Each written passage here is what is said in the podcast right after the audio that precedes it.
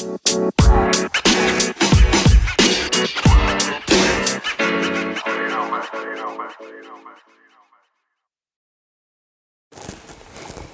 selamat apa ini? Dari sini selamat sore, selamat siang kalau kamu baru mendengarkannya siang, selamat malam kalau kamu baru mendengarkannya malam. Bersama saya dan tiga teman-teman saya, saya memperkenalkan eh, podcast yang apa ya namanya ini? Po- podcast apa aja namanya, Jak? Podcast baru kami, kami kasih judul Podcast Kebanggaan BSD City. Yes. Yoi. Ini konten pertama kita nih guys. Jadi hari ini kita mau bahas tentang uh, sepak bola karena kita semua suka sepak bola dan kita hari ini mau ngomongin yang fresh from the oven yaitu Leeds United. Yes, Leeds United, tim promosi tahun 2020. Dan em, kenapa sih kita bahas Leeds United? Yes, sebelumnya mungkin kita kenalan dulu kali ya Mo ya. Benar. Uh, karena kita baru nih konsep uh, apa podcast pertama ini. Uh, gue Michael, terus ada juga temen gue Saya Theo, Theo, Theo, Theo sounds Theo. inter, nggak interesting gitu ya. Iya. Saya Mamu. Mamo, Michael, Mamo, juga ada dua teman kita lagi. Gua Joshua. Nama saya Hero. Oke, jadi kita berempat ini emang semua suka sepak bola, tapi kita nggak ada yang suka MU. itu yang mempersatukan kita di sini. Benar. itu Communitiesnya itu adalah Benar, bahwa benar. nggak ada yang suka MU di Yes, podcast ini. benar. Gitu. Saya sukanya Chelsea, Mamo nih Arsenal, Joshua sama Liverpool, eh Joshua sama Hero nih Liverpool gitu. Jadi emang nggak ada yang suka MU gitu. Siap. Tapi hari ini kita nggak mau bahas tentang klub favorit kita, kayak tadi kita udah bilang di awal, kita mau bahas tentang Leeds United, ya kan? Tuh.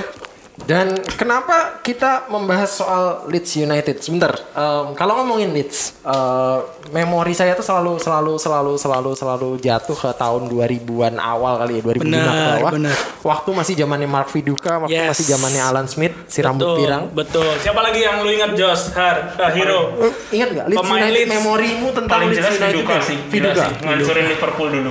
Harry Kewo. Harry Kewell Harry Kewell, pindah ke. Liverpool juga ya kan. Yes. Banyak sebenarnya banyak banget pemain bagus di sana kan ada Bener. Lucas Radebe, dulu kaptennya South African juga, ada Danny Mills, Yang saya paling suka James Milner. James Eh, Milner. bentar, James Miller tahun berapa ya main buat Leeds? 2000 awal 2000 Waktu dia awal. masih muda. Betul. Si, si, si. Berarti James Miller tuh sebelum Aston se- Villa, setua sebelum Aston apa sekarang? Sebelum Aston Villa, sebelum Aston Villa. Terus ada Ian Hart juga itu Baik banget. back kiri yang tendangan kiri, kaki kirinya kan luar biasa juga. Jadi emang Leeds ini buat kita anak 90-an ini banyak banget kenangannya ya kan. Betul. Tapi mereka uh, absen cukup lama dari kompetisi kasta tertinggi di Inggris ya, sekitar mungkin tuh- 16 tahun. 16 tahun. 16 tahun baru balik ke Premier League. Yes. Gitu. Dan um, menarik sebenarnya karena Leeds ini punya julukan sebagai uh, second timnya semua orang gitu kan. Yes, benar, benar.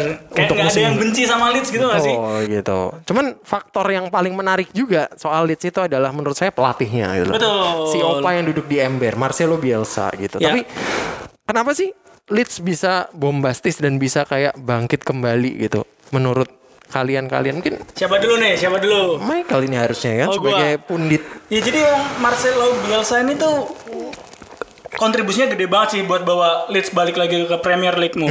Jadi emang pelatih ini tuh spesial gitu banyak banget pelatih sepak bola juga yang mengidolakan uh, Marcelo Bielsa. Bahkan uh, pelatih itu sendiri tuh bener-bener mengaku banyak belajar dari Bielsa ilmunya masih kalah dengan Bielsa dan segala macam padahal Bielsa ini bisa dibilang prestasinya nggak sementereng eh, Guardiola, nggak sementereng eh, mungkin Hansi Flick yang sekarang baru pegang Munchen tapi udah banyak eh, gelarnya, nggak sementereng Ancelotti juga, nggak nggak- sementereng mungkin dulu pelatih ada Gus Hiddink dan segala macam, tapi dia itu apa ya kontribusi ke sepak bolanya itu bukan dari gelar tapi dari banyak hal lainnya gitu mau. Selain itu Bielsa itu di 2010 juga dia ngebawa Chili masuk ke Piala Dunia. Se- 2010, Benar. 2010 South Africa. 2010 South Afrika itu wah itu udah sekian berapa tahun kali Chili nggak masuk Piala Dunia 2010 tuh masuk ke Piala Dunia juga atas tangan dinginnya si Marcelo Bielsa ini mau gitu Walaupun dia berkutat di tim-tim yang mediocre tapi ternyata prestasinya cukup mentereng juga ini. Betul. Opak Bielsa ini. Kalau nggak salah setelah dari Chile dia langsung ma- maju ke ranah klub ya. betul betul Kalau di- dari data di sini dia langsung dari Chile tahun 2011 dia langsung berpindah ke Athletic Bilbao langsung ke yes Spanyol. benar nah di Athletic Bilbao itu eh, dia nggak sempet menorehkan apa title. Tapi dia bisa bikin dia tuh runner up Copa del Rey juga di masa eh, eranya dia ngelatih Athletic Bilbao. Dan di masa Liga Spanyol itu sebenarnya ngebuat banyak influence-nya dia ke Liga Spanyol. Itu kuat. Kalau kita lihat sekarang di musim lalu ya eh, Kiko Casilla kipernya Madrid gitu kan dari juara Liga Champions dia bisa mau ke divisi 2 Liga Inggris. Itu kan apa ya bisa dibilang kayak ekstrim perpindahan yang aneh ya. perpindahan yang Iya, ekstrim iya. aneh dan magnetnya tuh ada di Bielsa gitu. Belum lagi yang kalau kita lihat transfernya musim ini ada Rodrigo Moreno, ada Diego Lorente. Itu notabene juga dari klub-klub eh, apa namanya cukup besar di Spanyol kan dari Sociedad dan juga Valencia tapi mau pindah ke Leeds. Nah itu karena ada pengaruhnya Bielsa di La Liga yang cukup kuat juga sebenarnya di situ. I see. Gitu. cukup menarik ya dilihat dari sejarah eh, kepelatihannya setelah dari Athletic Bilbao selama dua musim sampai 2013 eh, beliau pindah ke Prancis untuk menangani Marseille. Yes, betul. Dia ke Marseille itu kalau yang gue ingat dari Marseille itu dia dudukin kopi uh, panas di atas box gitu. Jadi dia lagi ngelatih biasa dengan gayanya yang berapi-api, dia duduk tuh dudukin kopi panas. Jadi itu ada peristiwa unik juga dari Bielsa ini di, di, di lapangan sebenarnya. Gitu. Em- em- ini emang anu sih kelakuannya tuh agak agak-agak out of the box gitu ya. Itu Yes, tadi kan betul. kopi gitu. Kalau sekarang dia baru hitsnya kan ember gitu ya. Iya. Duduk-duduk di atas ember gitu. Jadi emang emang agak anu ya, agak-agak out of the box si Marcelo Bielsa ini. Tapi- but, but yang yang yang menarik sebenarnya adalah dia kan direkrut sama Leeds waktu jauh sebelum mereka promosi tahun 2018 dan um, berarti mereka gagal berapa tahun? Satu satu atau dua musim kan nggak langsung auto instan uh, bisa naik gitu karena musim lalu kayaknya Leeds gagal di playoff kalau nggak salah Betul, betul. kan? Nah, eh, Bielsa ini juga waktu ke Leeds tuh memang karena kemampuannya eh, tadi ya unik, tapi juga Pochettino, Pep Guardiola tuh bilang dia jenius gitu. Kenapa? Karena waktu di Leeds tuh dia juga bilang ke boardnya eh, bahwa dia tuh bisa nginget eh, 40 tim yang dilawan di musim lalu gitu ya. Dan dia apal semua formasi yang dipakai sama tim Lawan-lawannya. lawan-lawannya. Jadi emang dia tuh sangat detail banget sebagai seorang pelatih. Bahkan kalau bahasa Inggrisnya meticulous gitu kan. Bener-bener ekstra detail banget orangnya. Dan dia itu juga eh, dari beberapa sumber yang gue baca dia tuh menyiapkan sampai 30 formasi buat Leeds. Dan dia itu sedetail itu dia udah nyiapin game plan tuh sampai 30 formasi bayangin. Itu buat Leeds di musim ini se- sehebat itu gitu. Saking detailnya si Pep Guardiola itu juga pernah bilang ketika dia berhadapan sama uh, Bielsa di zamannya di Liga Spanyol uh, Pep itu pernah ngomong kalau Bielsa itu mengerti Barcelona lebih detail dari dia karena dia sangat detail untuk menganalisa musuhnya untuk apa lihat data statistik lihat satu-satu pemain tuh sedetail itu sehingga dia dapat pengakuan itu sih. Gitu. Oke, em, balik ke yang barusan terjadi pertandingan antara Manchester City lawan eh, Leeds United Oh, tadi iya. malam atau Leeds United lawan Manchester City, sorry kebalik. Pep Guardiola lawan Bielsa ya kan Tuh, seseorang yang mengidolakan Bielsa lawan ya biasanya itu sendiri. betul betul Jaja punya eh, apa namanya klaim yang menarik, Michael, maaf. Kebiasaan. Maaf, maaf, maaf, maaf, maaf, maaf, maaf ya. Michael punya kebiasaan ya kebiasaan kan, salah kan Pengakuan, jadinya. pengakuan. Punya penga- punya sta- apa statement yang menarik bahwa Hmm. itu adalah best game uh, so far in 2020 gitu. Is Ya, it, is itu- it, is it the best game? menurut gua sampai sejauh ini dari beberapa pekan ya Liga Inggris, Liga Spanyol, Liga Italia yang gua tonton ini yang paling menarik. Mungkin bukan dari hasilnya satu sama, tapi dari gimana cara mereka main, gimana cara pertandingan itu berjalan dan juga tactical match up, tactical decision yang diambil sama dua pelatih ini tuh eh, menurut gua bener-bener luar biasa sih. Enjoyable banget sebagai penonton bola eh, sampai menit akhir tuh bener-bener menyajikan pertandingan yang luar biasa terbuka, sepak bola menyerang, kualitas permainan yang luar biasa juga dari kedua timmu. Gitu. Oke, tapi gue ini sih satu satu hal yang menyebalkan menurut saya adalah gimana si Leeds itu nggak nggak nggak startnya itu nggak keren gitu loh tadi malam bener nggak? Betul, betul. Jadi eh, Leeds itu kemarin sebenarnya terlambat panas ya bisa dibilang. Jadi eh, 30 menit awal itu eh, Leeds United benar-benar dikurung City tuh. Jadi kalau kita lihat tiga game sebelumnya Leeds eh, sebelum lawan City itu kan dia benar-benar high press, eh, defensive line-nya tinggi, oh apa kom- eh, musuhnya itu susah banget kuasain bola, dia yang kuasain bola lebih banyak segala macam. Kemarin 30 menit awal tuh benar-benar kalah sama City lah.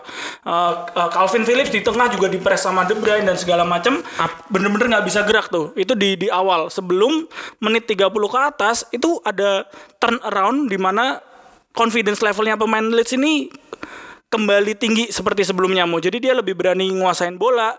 Sebelumnya tuh kiper langsung coba buang jauh dan segala macam. Mereka mulai Leeds nggak bermain seperti Leeds yang biasanya kita benar lihat musim benar. ini. Bielsa bolnya nggak kelihatan tuh di Makanya awal-awal. kebobolan di awal oleh Raheem Sterling. Bener, itu kebobolan di awal pun dari kipernya si kiper dong itu. Ya, Meslier itu dia uh, umpan jauh terus di di di tengah itu apa kerebut bola langsung uh, berhadapan sama back three-nya dan uh, Sterling bisa cut inside untuk gol. Bener, itu itu karena nggak pede lah di awal. Tapi setelah confidence levelnya naik itu kebalikannya.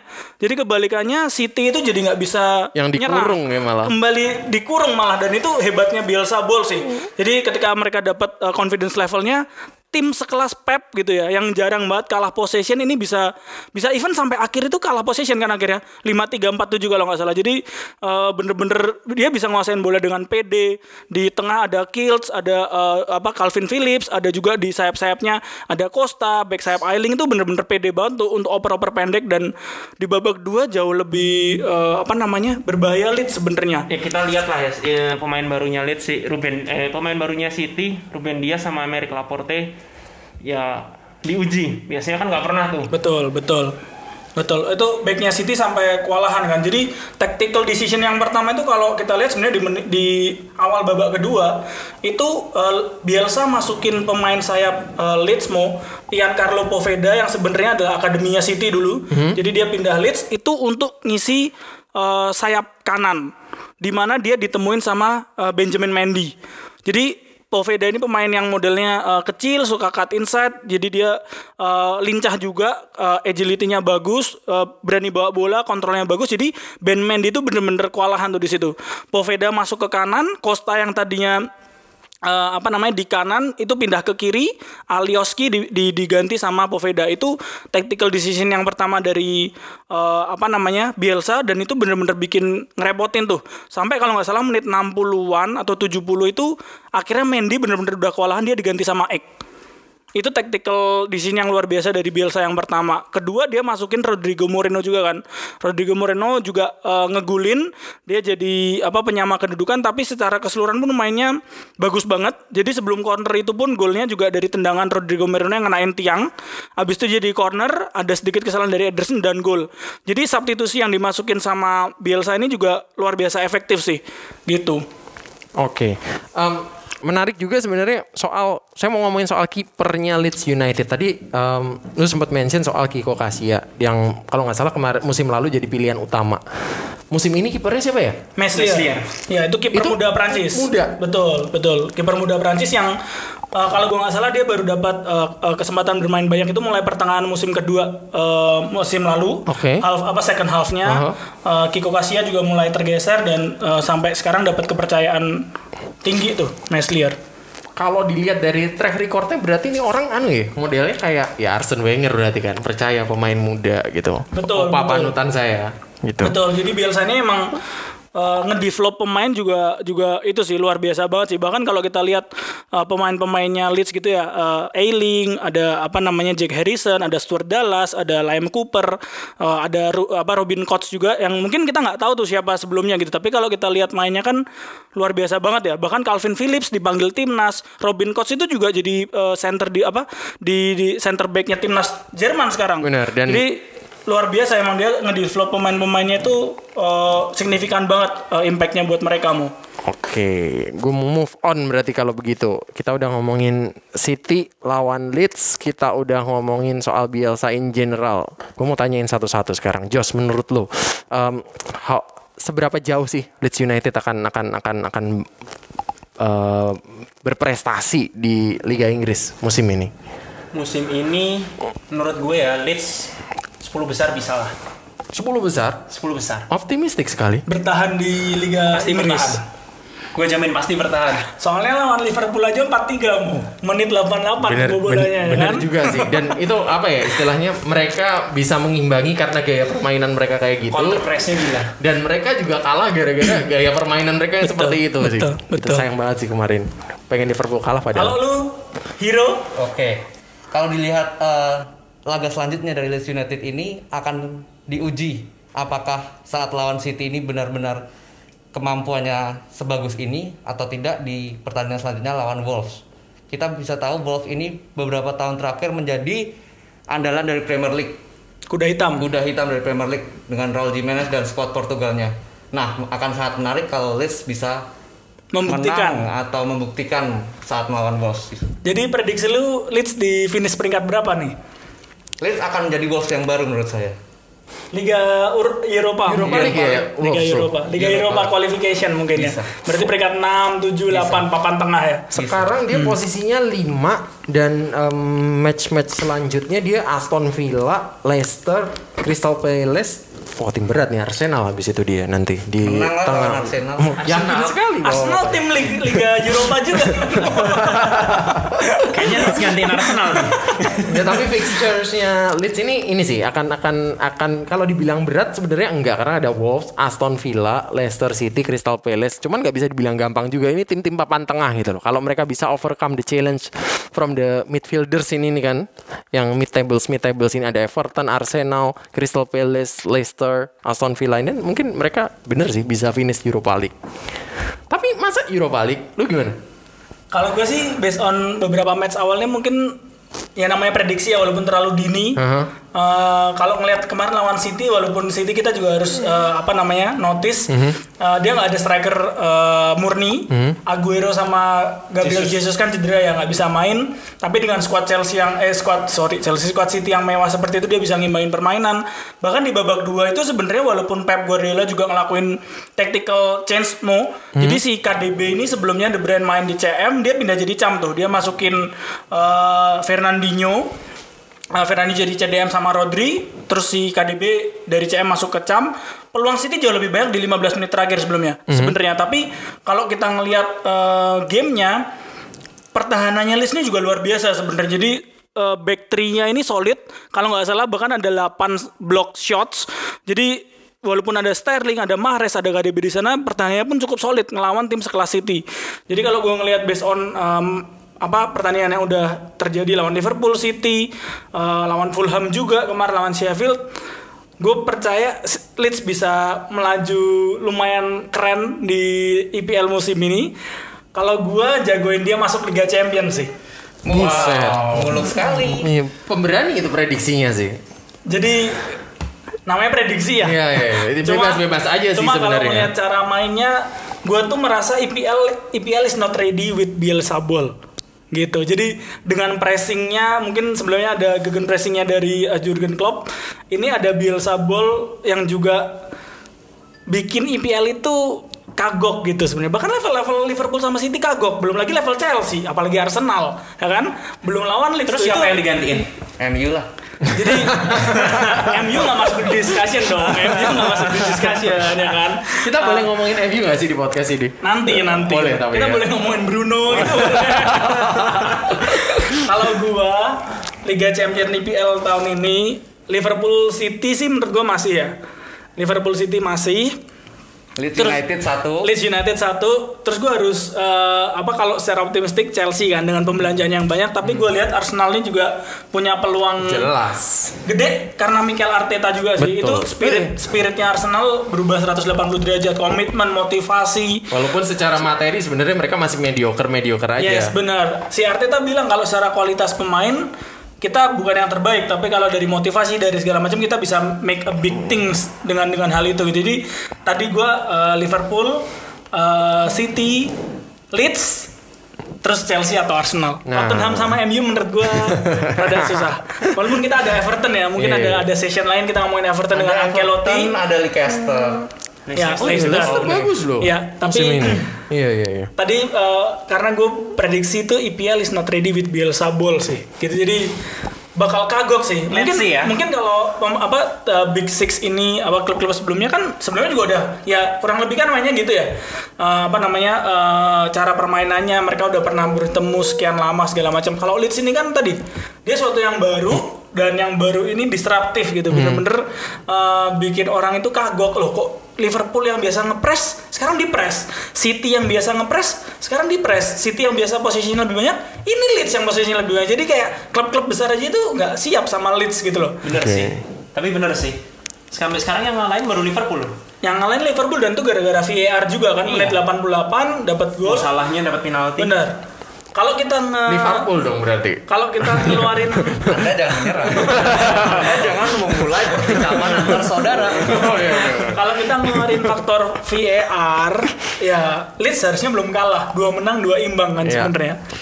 Gitu makanya gue jagoin Leeds di tiga champion spot. Lu gimana mau? Nah kalau gue sih paling ini sih paling paling alternatif ya. Eh, gue nggak yakin mereka bisa lolos eh, Liga Champion.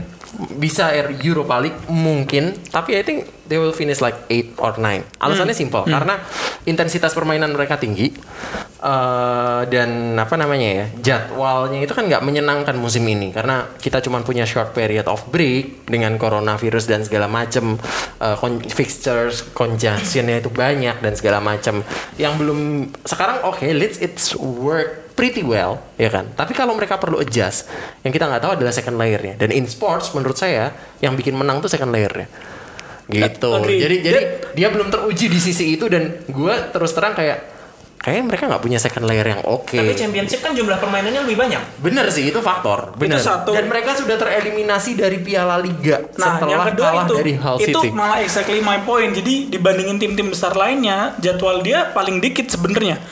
Dibandingin tim-tim uh, Iya, besar dia- yang masuk di Eropa, masuk Liga Champions, masuk Liga Eropa. Tapi dengan Leeds in- bisa intensitas fokus- permainan yang lebih tinggi, is it like physically more demanding gitu loh? Iya? Dengan dengan jadwal atau uh, rest period yang lebih lama juga dibandingin tim besar lain yang kompetisi di Eropa kan. Se- Jadi dia bisa fokus di Premier League. Dan sebenarnya kalau kita ngomongin soal jadwal itu nanti baru kelihatan kalau tradisional ya saya nggak tahu kalau kalender sekarang setelah Boxing Day. Nah itu kan biasanya kayak gitu karena Arsenal tuh selalu bagus biasanya sampai Boxing Day. Ini experience gue soalnya. Ini gitu Arsenal kan. lawan siapa sih? Eh? Arsenal lawan siapa ya? saya malah nggak tahu Arsenal main Sheffield lawan- ya? Sheffield, Lawan Sheffield, Sheffield ya? Sheffield, Sheffield, iya gitu loh. Kita imbang tuh kayaknya. Ya, Arsenal dihajar hat-trick Ryan Brewster. oh pemain yang natap tiang penaltinya. Balas dendam sekarang dia. dia bikin kalah Community Shield ya. oh iya bener bener bener. Enggak, tapi kayak ya sebagai fans Arsenal paham banget gitu loh soal-soal kepadatan jadwal itu tuh akan merusak semuanya dan itu biasanya nanti kelihatan baru Februari, Januari awal gitu. Ya, saya sendiri setuju sih karena ini masih game week 4 kan, teman Benar, Yes, benar. Tapi yang harus digarisbawain bener sih sepanjang bahasan kita ini bahwa si Leeds United ini udah dapat dua tes Liverpool sama City dan Yes. overall mereka flying colors gitu kayak ya, Betul. ya bisa bisa mengatasi dua ujian yang nggak gampang itu. Seru ya. Yo, Begitu. seru memang kalau ngomongin IPL nih. Asal jangan ngomongin MU. Ya, ngomongin MU ya seru sih. Nanti nanti kita ngomongin MU. Gitu. Ada lah. Lebih seru lagi ngomongin fans-fansnya. Podcast baru dan siap menerima haters. kita kita nggak cari ini, nggak cari audience by persuasive way gitu. kita nggak nyari audiens, kita kita Kesamaan kita apa? honest, gitu. kita honest, MU. honest discussion kita. Oke. Gitu. Baiklah, itu it's interesting. Kita sudah ngomongin um, Leeds dan biasanya selama 24 menit. Wow. Nggak berasa ya. Betul. We hope you enjoy it. Mungkin kita akan membuat episode yang baru atau udah kita udah ini aja di sini. Kita lihat reaksinya dulu kita ya lihat reaksinya. Reaksinya. Kalau yang kalau yang nonton di atas 5 kita Oke, lanjut benar, lah. benar. Kalau yang dengerin di atas 5 kita lanjut lah. Eh, kita sendiri udah orang empat gitu. Kita tinggal cari satu aja. Iya, kamu udah berkeluarga loh. Kamu tinggal Nggak tambahin istri mulu. berarti udah udah udah jelas jawabannya. Soal kita betul, akan lanjut apa enggak ya. Yang jelas kita akan berbenah, kita akan lihat nanti respon dari masyarakat, kita akan kembali lagi dengan konsep-konsep yang lebih matang dari sekarang. Yes. Konten yang lebih menarik. Betul. Oke, sampai jumpa di episode yang berikutnya. selanjutnya. Terima kasih semuanya. Saya mm, Mamo. Michael, Saya Hiro, Joshua. sampai ketemu di komu uh, apa podcast kebanggaan BSD City. Sampai jumpa. Dadah.